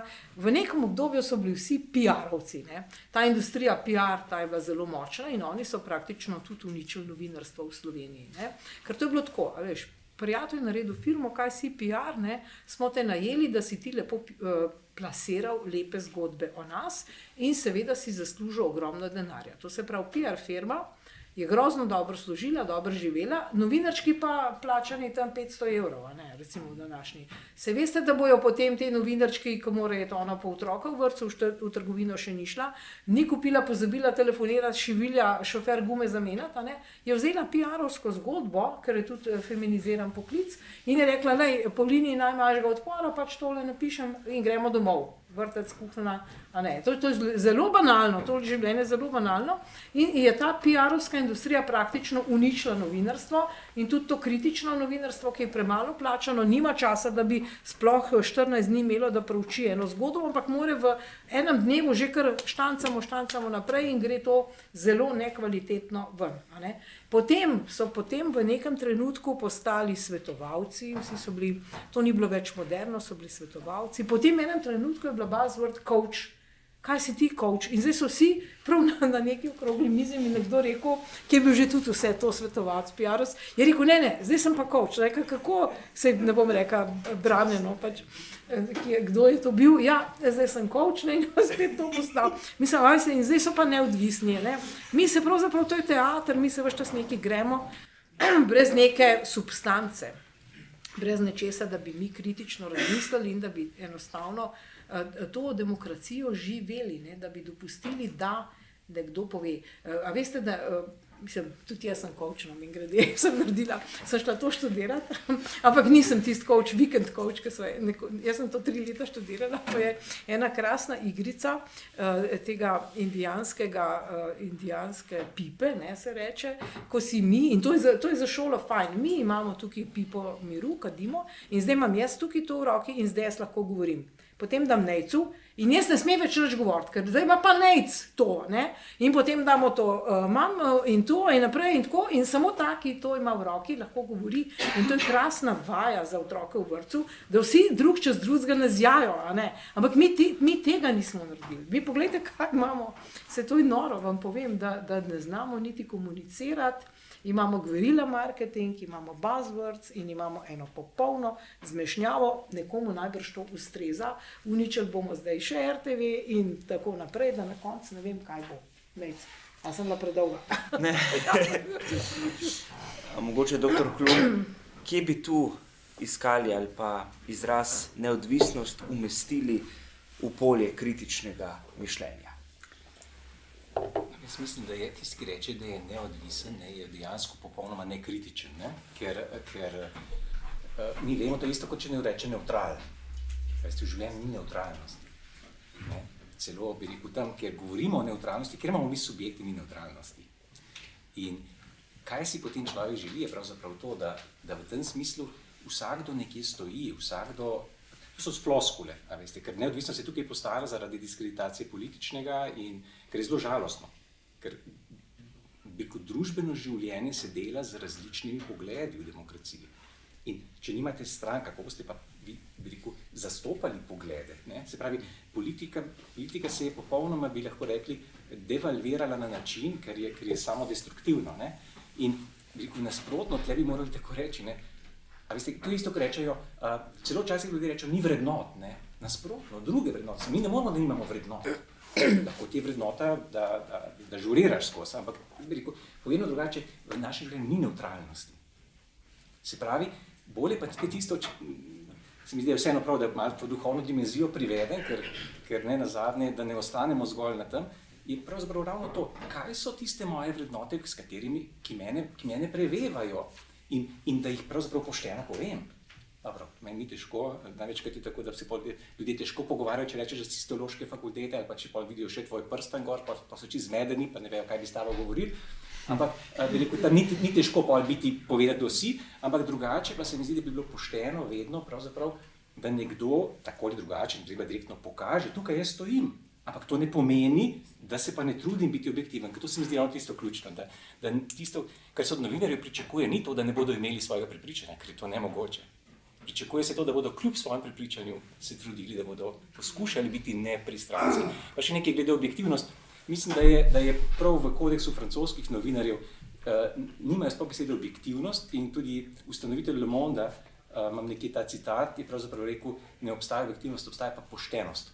Onetete. Če rekel, nimamo, lahko, lahko se trudimo, da smo pošteni in smo tako ali drugače. In se mi zdi, neodvisnost je dejansko politična floskula. To so take vrste floskule, kot če rečeš, pozabiti na preteklost, uh, živi le prihodnost. Ne? Isto kot nekomu rečeš, amnezija ti bo pomagala, da boš, da boš boljše živel prihodnost. Ne? Uh, to, so, to so stvari, ki so dejansko popolnoma neresnične same v sebi, ampak so pridobile pač zaradi nekih drugih razlogov. Ne? Tako da jaz bi rekel, neodvisnosti tukaj dejansko ni in tudi mi moramo vedeti, da, da, da mi nismo nikoli neodvisni in zato sem malo plediral za to, da, da je to edini način, da začnemo malo to upoštevati in ne, ne poskušati med drugega zato neumnega, da, da, mu, da mu pravzaprav da misliš, da, boš, mu, da ga boš zmanipuliral na način, kot, kot je. Ne. Tako da jaz mislim, da je zelo, zelo jaz prav, moram reči, ne, pa bi prosil tudi um, gospod Petrovčič, zato ker tole, kar nam ona slika, je strašno, strašno uh, slabo. Ne. Rekel, pa sem se jaz vprašal, ali je ta kritično zaupanje sploh še, še možna, ali pa moramo kar ostati pri sumničavosti. Ne, zaupati mora človek sam vase tukaj s tem se začne in potem si trden, zaupaš v sebe in to je to, jaz sem danes pojedel to, kar sem, vse ostalo ne pride do mene. Absolutno je zaupanje, pa tudi vera, pravzaprav. Če smo čisto odkriti, ne? to je tisto, kar imamo v sebi, da smo trdni. Ampak, kar se zadeva medijsko, medijsko področje, ste pa pravzaprav danes dali zelo, zelo negativno. Ja, medijsko področje, pa žal vam moram povedati, da res uradni list je edini medij. Dejansko, ker uh, zdaj, ko ste vi uh, rekli ne, te besede, uh, pa neodvisno od tega, jaz celo tako uh, sem že tako daleč, malo frodovsko. Da, če kdo govori, da je neodvisen, ali pa če reče, ne, ne, tole pa ne bo spopada, ali pa da nekaj zanika, to razumem kot da bo. Ne. Mislim, jaz, že, jaz zdaj že razumem to tako, ne, mečka nezavednega, da kdo, če zelo govori, da je neodvisen, Joj, zakaj to govori? Ne? To se pravi, iz njega ta njegov krokodil, ki ga imamo zaprt, ga se veste, imamo to uh, podzavest, ne, ki vse čas vam sporoča, kar mi tlačimo ne, in rečemo, ti bo krokodil, ki ga imamo noto v verigah. On vam upije, ne, jaz sem odvisen, da sem jim rečem, ne, ne, odvisen. Ne. Mislim, če večkrat govorimo tako podzavesti, pa eh, temu, eh, kar imamo, kar mi ven izpričujemo. Tako da moramo biti zelo pozorni na te besede, da rečemo, aha, tele se skriva. Ne. A veste, to pa dobi novinar, nos za tisto. Vedno, vedno ga dobiš na eno piko, rečeš, aha, aha, tle je pa, tle je, tle se skriva to, kar je res. Vsekakor imajo besede svojo težo. Kakšna je morda razpetost med uh, svobodnim in sovražnim govorom? To je tudi nekaj, o čemer je prav, da spregovorimo, kakšno besedo. Mediji smo vendarle tisti, ki damo prostor. Naj morda recimo spomnim včerajšnji rezultat, pa je eden izmed opozicijskih eh, poslancev, predlagateljice stranke SDS, stopil pred kamere in primerjal današnji čas z letom 33, ne, ker je mogoče po svoje bilo kar tendenciozno, ne, buren odziv je bil. Celo nemško veleposlaništvo se je odzvalo, da vendarle je pa to uh, popolnoma neprimerno in se strinjam z nemškim veleposlaništvom. Skratka, kaj želim povedati, kje je tu uh, vloga tudi medijev ali pa družbe nasploh, da razume in prepozna na eni strani svobodo govora in na drugi strani sovražni govor. Jaz bi zdaj bolj kot uh, zgodovinar uh, odgovoril. Sicer uh, ta primerjava 33 mogoče ni najbolj ustrezna, ker je bila bolj primerna 18. Ne, recimo, ko pogledamo v spon fašizma, 1918, ko so se ti zafrustrirani italijanski vojaki in zafrustrirano razvajeno meščanstvo, uh, razni boemi, razni umetniki, razni uh, kaj so bili takrat dekabristi, ne vem, taki, pač uh, ena, uh, torej, ta elita, ki se je zbrala takrat v, v Milanu, uh, je bila na moč podobna tej eliti, ki je recimo to klatla uh, z bicikli po, po Ljubljani. Ne? Torej, razvajenci, ki imajo pohne, ki imajo, uh, torej, ste me razumeli, uh, ki imajo polno vsega, ki ne vejo, kaj bi, in, in pol počnejo kar nekaj. Ne? In uh, v bistvu hočejo oblast. Uh, to Prostor je, so dobili v medijih. Ja, in, in to je izjemno, ko gledaš, recimo, kaj so govorili ti, te elite v Milanu leta 18-20 uh, in kaj, govor, kaj govorijo ti tukaj, so prav isti. Ne? Zato tisto, ko so dali Violeti Tomič, ko so prebrali en del iz, uh, mislim, da. Mussolinijevega govora ali manifesta. Ja, rekla, ja, ja, ja, to je vse res. To je, to, dejansko je bilo, so iste stvari poslušaš. Ne? In uh, recimo, kaj govorijo? Govorijo o krizi demokracije. Ne, demokracija ni dobra, je treba alternativo, treba neodvisno, je treba uh, nekaj novega. Ne? In uh, hkrati, ko pogledamo recimo Mussolinija, Mussolini je bil najprej bil sindikalist in marksist. Uh, pa ko je prišel v Švico nazaj, je šel v bistvu v skrajno desnico in, uh, torej, in je bil časnikar. Ne? Zdaj to, mislim, to je toliko takih, tudi mogoče drobnih uh, protislovij. Uh, ja, mislim, antagonizmov, oziroma nekih podobnosti, ki mogoče niso na mestu, ampak mene to, to, kar se zdaj tukaj dogaja, me na moč spominja na, na to. Uh, in recimo, uh, uh, najbolj so kritizirali medije, ne? medije so hoteli. Eh, tako da tukaj jaz mislim, da imamo ogromno, ogromno uh, za, za. Kolegica Petrovčič, svoboda govora, sovražni govor. Kako ga razumeš, dajemo mediji preveč prostora, sovražni? Ne, zdaj bom tako povedala. Najprej tole, kar je povedal Tino Mamič. Uh, jaz imam to, zdaj pa reka srečo. Včasih sem prav vesela, da sem že tako stara. Ker sem študirala v prejšnjem sistemu na filozofski fakulteti filozofijo, kar pomeni, da smo se učili marksizem. In jaz, čim slišim nekaj, ne, kar govori levica, rečem, da je to, ja, vem, to je, mar, to je jaz izbrana dela. Jaz to, mi smo to študirali, jaz meni to ne more noben prilisičiti, ko vidim tekst. Razumete? Tako da imam to srečo. Ne. Tako da me ni presenetilo, da ima ta kordaš ima Lenina na nočni marci, joj, je rekel, da ima Lenina na nočni marci. A smo te mislili? Ej, no, sicer ne, in hvala Bogu, ni to napisal, če smo malo, ampak dobro. ampak dobro, to se pravi, jaz tukaj takoj vidim, če pridejo kakšni eh, levičari, ki nekaj govorijo, rečem, ja, ja, to je to, to je to, to smo študirali. Ne? No, ampak moram reči, ta naša uh, filozofska, samo to bom še povedala, je bila tako poštena v primerjavi s, tistim, uh, s tisto šolo drugo, ne, kjer smo iz uvoda v knjigo, uh, si lahko naredil izpit, ne, da je vedno rekla v redu. Marks je rekel to, ne, uh, potem je rekel, uh, uh, mi rečemo to, pa, ali pa recimo tako. Aristotel je rekel to, Marks je rekel to o Aristotelu, o tem, kar je rekel in kaj rečemo mi. Ne, to se pravi samo upravljalo. To je bilo po treh kanalih, je šla informacija. Tako da si vse čas videl, da ja, to, to je originalen tekst, ne, ki smo ga brali, se sem vam povedala grščina, ne, potem, aha, ta je to komentiral tako, no zdaj pa mi pa spet mal drugačne. Tako da si imel vsaj te tri linije, ampak pustimo, zdaj nočem to hvaliti, samo vendarle, ne, za eno tako kritično distanco. Kar se pa tiče, eh, tako da jaz, kar se levičarskih govorov tiče, jih takoj prepoznam in eh, takoj vem bežimo. Uh, vem pa, da ljudje nasedajo na te floskule. Ne? Zdaj, a veste, vzeli uh, pač stanovanja, vsi bojo vse imeli, kako bojo vsi vse imeli. No? A zdaj nekdo je hodil v službo, je šparil denar, ima tako obrestno mero, ima kredit, a drugi kaj bojo, drugi zdaj bojo. Jaz to sploh ne razumem, mislim, to je meni, ne vem, fantazma totalna, ne, kako bo zdaj to. Ampak dobro, ali pa bojo nekomu vzeli, ne? a veste, to se pravi, bo nekomu revčku, ki je delo, a ne bojo pa zdaj vzeli. Veste, zdaj so že sprejeli večje davke. Drugačne gre, ker če tukaj ne vzameš, tle ne moreš dati. Ne? Kar se pa tiče sovražnega govora, je pa tako. Jaz sem že veliko teh oddaj delala, takoj sem imela enkrat napad, delala sem splav. Ne?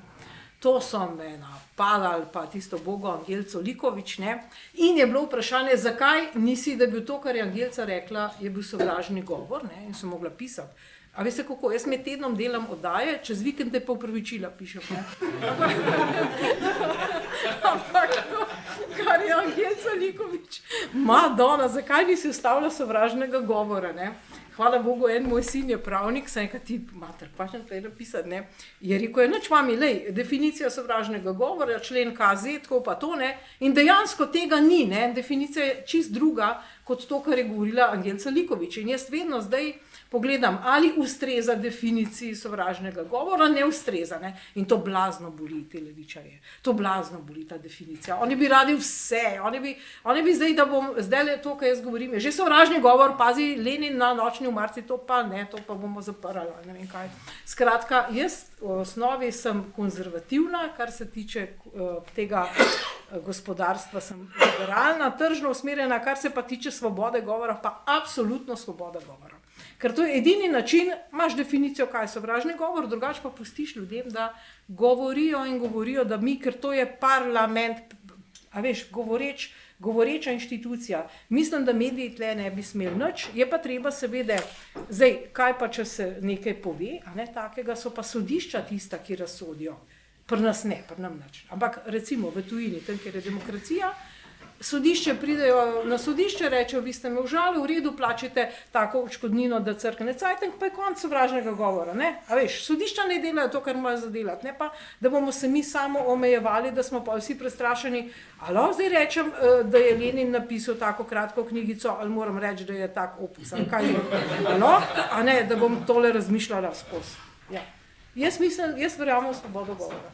Doktor Klun, verjamete v svobodo govora? Jaz verjamem, ja, samo svoboda včasih je več kot tisto, da lahko počneš, ni samo samo ljubi. Ne, jaz mislim, da je, da je spet tukaj problem kritičnosti, ne? ker uh, jaz bi rekel, kritičnost pomeni najti pravo razločevanje in absolutno je tako, da če pogledate nemški prostor, uh, enostavno se, se pazi na to, kar se reče. Poglejte talk showe na, na CDF ali pa na RD, ki imajo zelo močno politično funkcijo, pač to, rekel, to so tudi mediji četrte veje oblasti, zato da sploh rekel, ideje pridejo v ljudstvo. Ampak vi imate določene stvari, ki, so, ki, ki se ne smejo izreči.